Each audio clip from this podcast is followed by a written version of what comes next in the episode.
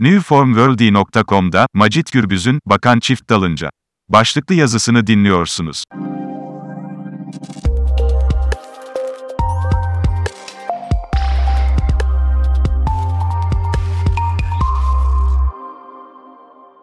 Malum, siyaset herkesin yapabileceği iş değil. Bazı meziyetlere sahip olmak lazım. Kötü düşünmeyin canım. Meziyet derken karnı geniş olmak, rahat davranışlar sergilemek, durumdan vazife çıkarmak, içinde bulunduğu her duruma uyum gösterebilmek, genel başkanın her istek ve arzusuna tam ve eksiksiz uyum sağlayıp yanıt verebilmek vesaire gibi birçok temel özelliklerinizin olmasından bahsediyorum. Kastım budur. Türk siyasetinde çok renkli ve unutulmaz kişilikler gördük, görmeye de devam ediyoruz. Yeni kabinenin açıklandığı ve yeni bakanların konuşulduğu, benim umurumda bile değil, bugünlerde fıkra gibi bir anımı aktaracağım. Yıl 1995, Sağlık Bakanı Yıldırım Aktuna'nın bakanlığı ile ilgili gezi ve incelemelerde bulunmak üzere Erzurum'a geleceği duyuruldu.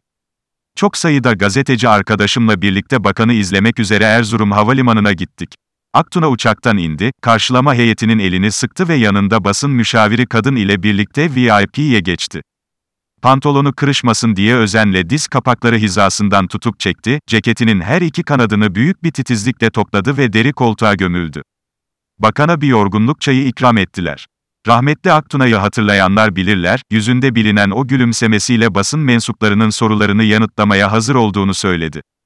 Evinin salonunda baba koltuğunda oturur gibi rahattı. Deneyimli siyasetçi Bakan Aktuna, Ankara'da usta gazetecilerin yerine taşra muhabirlerinin, karşısında olmanın rahatlığı ile sağlık sisteminden, Doğu ve Güneydoğu'daki sağlık ocaklarına ve devlet hastanelerine göndereceği doktorlardan hemşirelerden sağlık teknisyenlerinden sağlık memurlarından bahsetti. Biz de öylesine dinliyor ve arada sırada not alıyorduk, çünkü Ankara'da söylediklerinden farklı hiçbir şey söylemiyordu, sözleri rutinin ötesine geçememişti. Belli ki Ankara'da attığı nutukların taşrada duyulmadığını ya da bilinmediğini sanıyordu. Belli ki Ankara'dan Anadolu öyle görünüyordu. Çapkınlığı ile ünlü Aktuna bir ara oturduğu koltukta bacaklarını araladı, iyice rahatladı, sağ elinin işaret ve orta parmağını apış arasına daldırdı ve karıştırmaya başladı. Yüzünü görmeliydiniz, ondan mesudu yoktu. Huzur ve huşu içindeydi. Hem konuşuyor hem de karıştırıyordu. Karıştırdı, karıştırdı. Amacına tam olarak ulaşamamış olacak ki daha derinlere daldı, ustalıkla kullanıyordu parmaklarını. E ne de olsa doktordu, insan anatomisini iyi biliyordu, bazı organların yerini ve olması gereken durum ve pozisyonlarını ondan iyi kimse bilemezdi. Objektiflerimiz doğal olarak Aktuna'nın bu ani ve beklenmeyen eylemine yöneldi. Bakan bizi gafil avlamıştı aslında. Bir anlık şaşkınlık yaşadık. Devletin bakanını bu halde fotoğraflamak doğru muydu? Bir an tereddüt ettik. Ancak belli ki organları bakanı dinlemiyor ya da bakan organlarına söz dinletemiyordu, yapacak bir şey yoktu, her şey ayan beyan ortadaydı, bize düşen de ustaca kullandığı iki parmağının apış arasındaki turunu ve yüzüne yansıyan o meşhur ifadeyi fotoğraf makinemizdeki filme, o zaman dijital yoktu malum, kaydetmekti.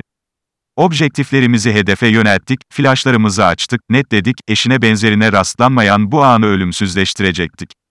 Elimiz deklanşörde beklemeye başladık, bakanın pantolon safarisinin en hassas anında deklanşörlere yüklenecektik. Mevzi aldık ve Aktuna'nın maharetle kullandığı iki parmağı ile apış arasına çift dalmasını beklemeye başladık. Basın danışmanı kadın anlamıştı niyetimizi, eğilip kulağına bir şeyler söyledi. 3-5 dakika eline sahip çıkan bakan tekrar çift dalınca biz de makinelere davrandık doğal olarak. Biz makineleri kaldırınca o elini hedefe ulaştırmadan geldiği yere geri koyuyordu. Köşe kapmaca uzun süre devam etti.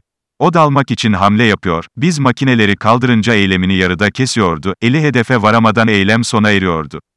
Bakanın bu eylemini kimse fotoğraflayamamıştı tabii ki. Bakan bey gerilmiş rahatsız olmuştu, sonunda patladı, ne var kardeşim? Hayret bir şeysiniz yahu. Bir rahat bırakmadınız. Uygunsuz davranışlarınızın farkında mısınız ya? Allah Allah, dedi ve ayağa kalktı. Bir yandan bacaklarını sallayarak iki parmağıyla yapamadığını yapmaya çalışıyor, bir yandan ters ters basın danışmanına ve bize bakıyordu.